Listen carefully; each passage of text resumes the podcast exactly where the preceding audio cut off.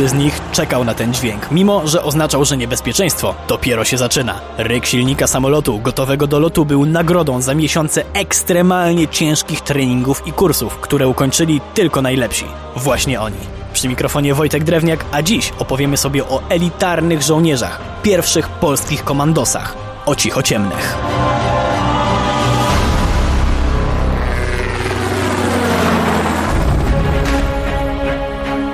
O cichociemnych słyszał każdy, ale już nie każdy wie skąd się wzięli i co robili. Zacznijmy od tego pierwszego. Po przegranej kampanii wrześniowej polscy żołnierze się nie poddali. Na obczyźnie zaczęli tworzyć różne jednostki, które miały pomóc w walce z hitlerowcami. Powstał również pomysł na stworzenie takiej ekipy, która drogą lotniczą komunikowałaby się z okupowaną Polską. Pomysł był świetny, ale Anglicy jakoś nie palili się do tego, żeby nam pomóc. Do czasu.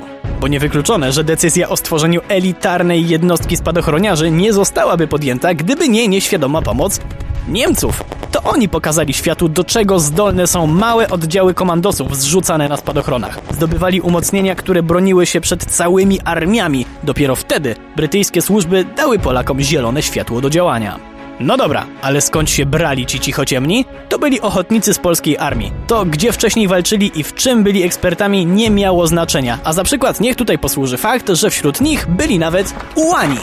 Zgłaszali się dobrowolnie, ale żeby to było jasne, to nie znaczy, że każdy mógł zostać cichociemnym. Nie, nie, zgłoszenie się to był dopiero początek ekstremalnie ciężkiej drogi.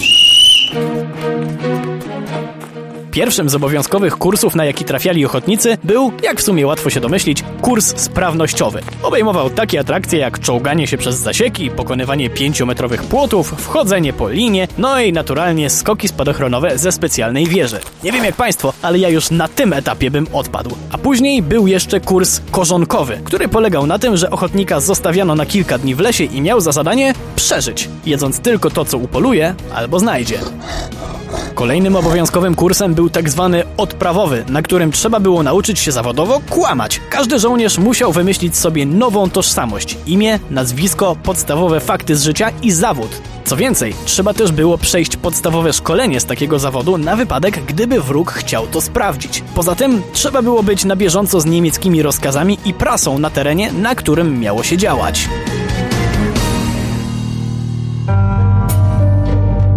Tej pory mówiłem o obowiązkowych kursach, ale to nie znaczy, że pozostałe szkolenia były dla chętnych. Nie, nie, nic z tych rzeczy. Po prostu każdy z żołnierzy brał udział w takich, jakie miały go przeszkolić do wybranej działalności. Były na przykład kursy łączności, ślusarstwa specjalnego, chemiczne, motoryzacyjne, a poza tym kursy języków obcych. To były treningi dla prawdziwych twardzieli, bo po ich zakończeniu z 4213 kandydatów na spadochronie do kraju przybyło tylko 316, w tym jedna kobieta.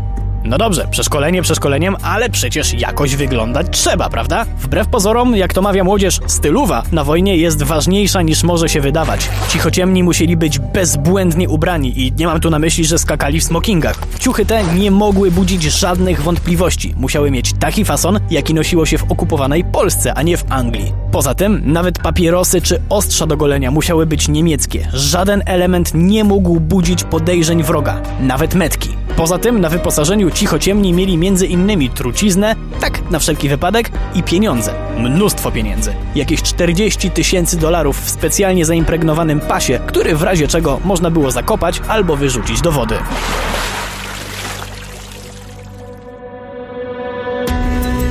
Tak wyposażeni i przeszkoleni wsiadali do samolotów, żeby pod osłoną nocy trafić do Polski. A kiedy już się tam znaleźli, to nawiązywali kontakty z ciotkami. Ale nie dlatego, że tak tęsknili za rodziną, tylko tak nazywano łączniczki Armii Krajowej. Mimo, że jak już wiemy, chłopaki musieli być na bieżąco z lokalnymi wydarzeniami, to pomoc ciotek we wtopieniu się w tłum była bezcenna. To właśnie dzięki dziewczynom nasi żołnierze wiedzieli, że Niemcom trzeba ustępować drogi, że nie wolno wchodzić do konkretnych niemieckich knajp, czy siadać w przedniej części tramwaju. Niby małe rzeczy, ale gdyby nie one, pewnie wielu chłopaków bardzo szybko wpadłoby w ręce hitlerowców.